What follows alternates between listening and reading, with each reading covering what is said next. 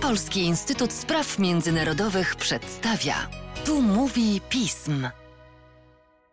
Podcaście Polskiego Instytutu Spraw Międzynarodowych witam Państwa Łukasz Jasina, witam serdecznie i bardzo, bardzo serdecznie witam dawno niesłyszanego u nas Karola Waślewskiego. Dzień dobry Karolu. Dzień dobry Łukaszu. A skoro ty to zasadniczo Turcja, ale trochę imperialistycznie nam w tym momencie wyjdzie, bo nie Turcja, ale miejsce, które jest dla Turcji bardzo ważne. Rok 2020 był świadkiem kolejnych wydarzeń związanych z Cyprem, z interwencją też pewnego rodzaju wspólnoty międzynarodowej tamże na Cyprze. Karolu, jak w tej chwili wygląda sytuacja wokół tej wyspy, która jest legendarna dla historyków i turystów, ale w sprawach politycznych ciągle przysparza wielu problemów? Może zacznę od tego, dlaczego dla Turków to jest tak ważna wyspa, bo, bo może warto o tym wspomnieć. Bo słusznie zauważyłeś, że, że tutaj uczucia tureckie względem Cypru są no niemal jak uczucia matki wobec dziecka. Cypr jest nazywany przez Turków bardzo często Jawruwatan, czyli ta, ta młoda ojczyzna. Do tego wątku matki i dziecka za chwilę wrócimy, ale do czego kluczowego doszło w tym roku? Otóż w tym roku na północy wyspy, bo jak wiemy, Cypr jest faktycznie podzielony na Republikę Cypryjską, to jest to państwo na południu, państwo, które jest członkiem Unii Europejskiej między innymi i Turecką Republikę Cypru Północnego. To jest parapaństwo znajdujące się na północy wyspy, powstałe po interwencji tureckiej w 1974 roku, które proklamowało swoją niepodległość w roku 1983. Państwo uznawane, quasi państwo w zasadzie, powinienem mówić więc za każdym razem, gdy będę mówił państwo, niech proszę słuchacze pamiętają, że mowa o parapaństwie tak naprawdę. Więc państwo uznawane wyłącznie przez Turcję. Te dwie społeczności od dłuższego czasu toczą ze sobą dialog i próbują się porozumieć. Mamy rok 2020 i moment, no niektórzy uważają, że przełomowy, ponieważ w Tureckiej Republice Północnego Cypru mieliśmy do czynienia z wyborami prezydenckimi. W tych wyborach liczyło się tak naprawdę dwóch polityków. Mustafa Akıncı, dotychczasowy prezydent, socjaldemokrata, zwolennik rozwiązania problemu cypryjskiego przez powstanie państwa federalnego, czyli zjednoczenia Cypru, czyli tak naprawdę tego rozwiązania, które między innymi promują rezolucje Organizacji Narodów Zjednoczonych, i Ersin Tatar, czyli polityk nacjonalistyczny, od niedawna premier i polityk, który bardzo głośno opowiada się za tym, że skoro dotychczas dialog zmierzający do utworzenia jednego państwa cypryjskiego no nie przyniósł rezultatów, to należy wybrać inną opcję dwóch niezależnych państw cypryjskich. I problem polega na tym, problem dla dialogu cypryjskiego, że Ersin Tatar wygrał wybory.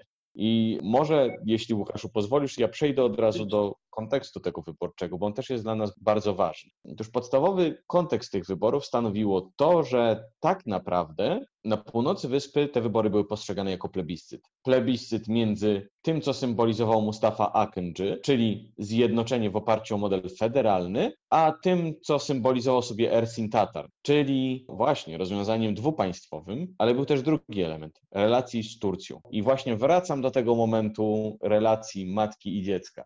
Gdy Mustafa Akıncı został prezydentem w 2015 roku, to bardzo głośno mówił nie tylko o tym, że należy zjednoczyć Cypr i że to jest ostatnia szansa dla Cypru. Pamiętam, miałem z nim okazję osobiście rozmawiać i, i do dziś pamiętam takie jego naprawdę przekonywujące argumenty, że on jest ostatnim z tego pokolenia, który rozumie znaczenie zjednoczenia Cypru i że za chwilę zjednoczenie Cypru nie będzie już takie łatwe, bo po prostu inna generacja będzie decydowała. Generacja, która nie ma tak dobrych wspomnień ze Zjednoczonego Cypru, jak on jeszcze miał. I Mustafa Akıncı mówił również, że chociaż rzeczywiście Turecka Republika Cypru Północnego jest państwem w zasadzie utrzymywanym przez Turcję, to musimy zrozumieć, jak bardzo jest to głęboka relacja. To znaczy, Turecka Republika Cypru Północnego absolutnie nie miałaby szans istnieć bez tureckiego wsparcia. Jeśli turyści chcą się tam dostać, to zazwyczaj robią to przez Turcję. Oczywiście mogą się też dostać z południa, ale na przykład, żeby dostać się na północ samolotem, to trzeba lecieć przez Turcję. Turcja rocznie dostarcza, tutaj kwoty się,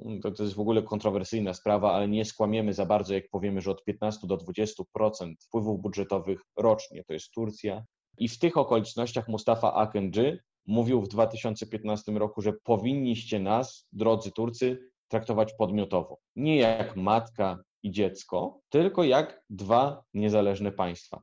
To bardzo nie podobało się Turkom zwłaszcza Tajpowi Erdoganowi, który jednak lubi, jak mu się daje znać, że, że ma się świadomość tego, że coś mu się zawdzięcza, prawda? I Ersin Tatar mówił coś zupełnie innego, a mianowicie to, że nie możemy sobie pozwolić na takie relacje z Turcją, zwłaszcza kiedy nie mamy jasnej perspektywy zjednoczenia. My musimy mieć silne relacje z Turcją. My musimy utrzymywać tę zależność. I gdy w 2017 roku zakończył się toczony przez Akędzego i jego odpowiednika z Republiki Cypryjskiej, czyli prezydenta Nikosa Anastazjadisa, gdy zakończyły się rozmowy zjednoczeniowe, zakończyły się oczywiście niepowodzeniem, Ersin Tatar mówił, zobaczcie, miałem rację. I to był ten taki kontekst szczególny tych wyborów. I coś, co może mieć wpływ na no, przyszłe rozmowy zjednoczeniowe. Jaki jest w związku z tym tego teraz efekt? Jak na to reaguje Turcja? Od momentu zakończenia tych wyborów zaczęła coraz mocniej ramię w ramię z Ersinem Tatarem mówić o konieczności utworzenia dwóch państw cypryjskich. Z tym, że to nie do końca jest prawda, bo jeszcze takim istotnym elementem tej kampanii, poza tymi, o których wspomniałem, była bezprecedensowa, ale absolutnie bezprecedensowa, przepraszam, że to powtarzam, ale to było naprawdę istotne, bezprecedensowe zaangażowanie Turcji w kampanię w ogóle wyborczą na Cyprze. Mustafa Akandży wprost mówił, że to tureckie zaangażowanie było przyczyną jego porażki. I teraz o czym konkretnie mówię? Turcy na przykład Wyobraź sobie, Łukasz, niech sobie nasi słuchacze proszę wyobrażą, kilka dni przed pierwszą turą wyborów wraz z Ersinem Tatarem w Ankarze ogłosili otwarcie Warosji. To jest takie miasto, niektórzy to nazywają miastem widmo, tak? Miastem, które kojarzy się bardzo dobrze, bo dawniej było tętniącą po prostu życiem atrakcją turystyczną, które od podziału Cypru jest w zasadzie miastem opuszczonym. I ogłoszono, że Turcy cypryjscy razem z Turcją ponownie to miasto otworzą. To miasto jest postrzegane jako taki symbol w ogóle konfliktu z Grekami cypryjskimi a Turkami cypryjskimi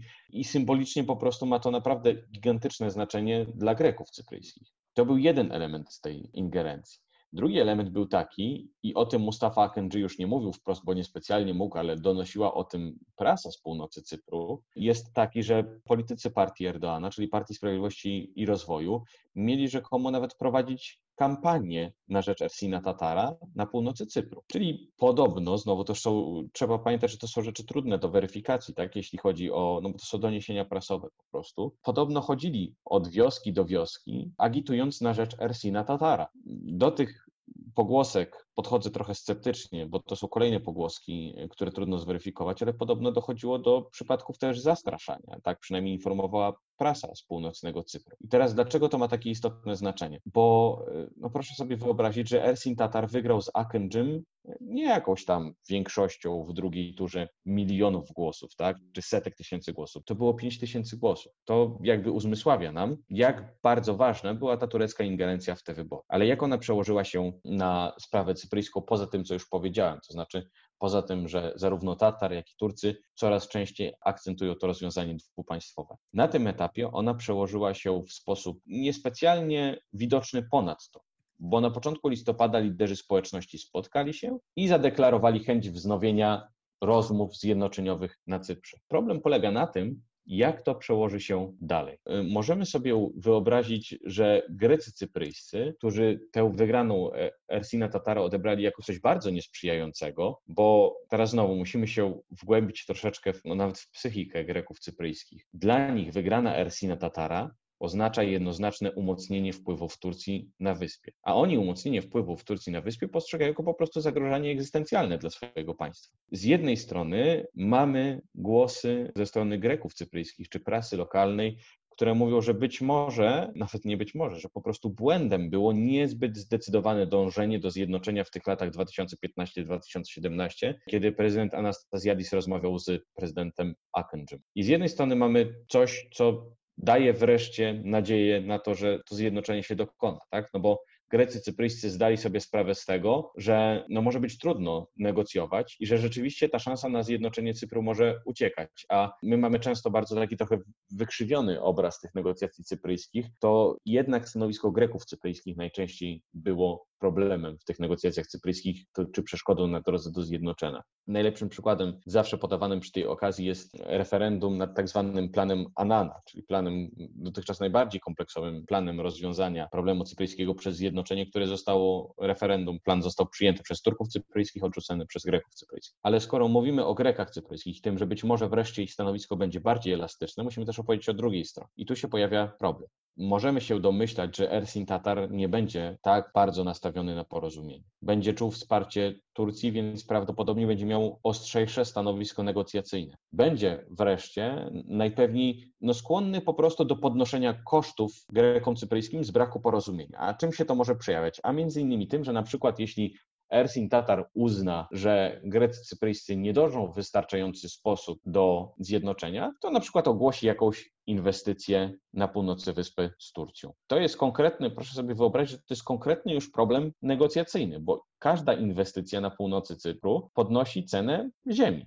No prosta sprawa. Nie? Natomiast ziemia i wymiana ziemi jest jednym z problemów negocjacyjnych między społecznościami. Ma po prostu Ersin Tatar narzędzia, które mogą doprowadzić do tego, że to stanowisko Greków cypryjskich, które teraz projektujemy jako, wydaje nam się, że może być bardziej elastyczne, może znowu ulec zaostrzeniu i znowu negocjacje cypryjskie mogą się posypać. A jak tym razem negocjacje zjednoczone się posypią, no to sytuacja robi się naprawdę ciekawa. I myślę, że ma duże znaczenie dla nas wszystkich, bo cały czas zapominamy o tym, że to jest terytorium, które z naszego punktu widzenia jest częścią Unii Europejskiej. Absolutnie. Problem polega na tym, że jeśli Turcy w tym momencie już bardzo wyraźnie sygnalizują, że jeśli dojdzie do tego fiaska negocjacji zjednoczeniowych, to zastanowią się, czy będą zabiegać o to, żeby inne państwa uznały Turecką Republikę Cypru Północnego, że to będzie jedyne rozwiązanie. I Turcy, to nie jest tak, że to jest nowa jakość w tureckiej polityce. Turcy od dłuższego czasu tym straszyli. Ale teraz Turcy na przykład mówią, patrzcie, co zrobiliśmy w Górskim Karabachu, jak wsparliśmy Azerbejdżan. I sugerują, że być może Azerbejdżan będzie takim państwem, które uzna Turecką Republikę Cypru Północnego i że ten mur się posypie. Dla Unii Europejskiej to jest naprawdę gigantyczny problem. Przede wszystkim dlatego, że Unia Europejska rzeczywiście, tak jak powiedziałaś, traktuje to jako część, jakkolwiek dziwnie to brzmi i to może jest troszeczkę przerysowane, tak? ale, ale traktuje to po prostu jako jedno państwo.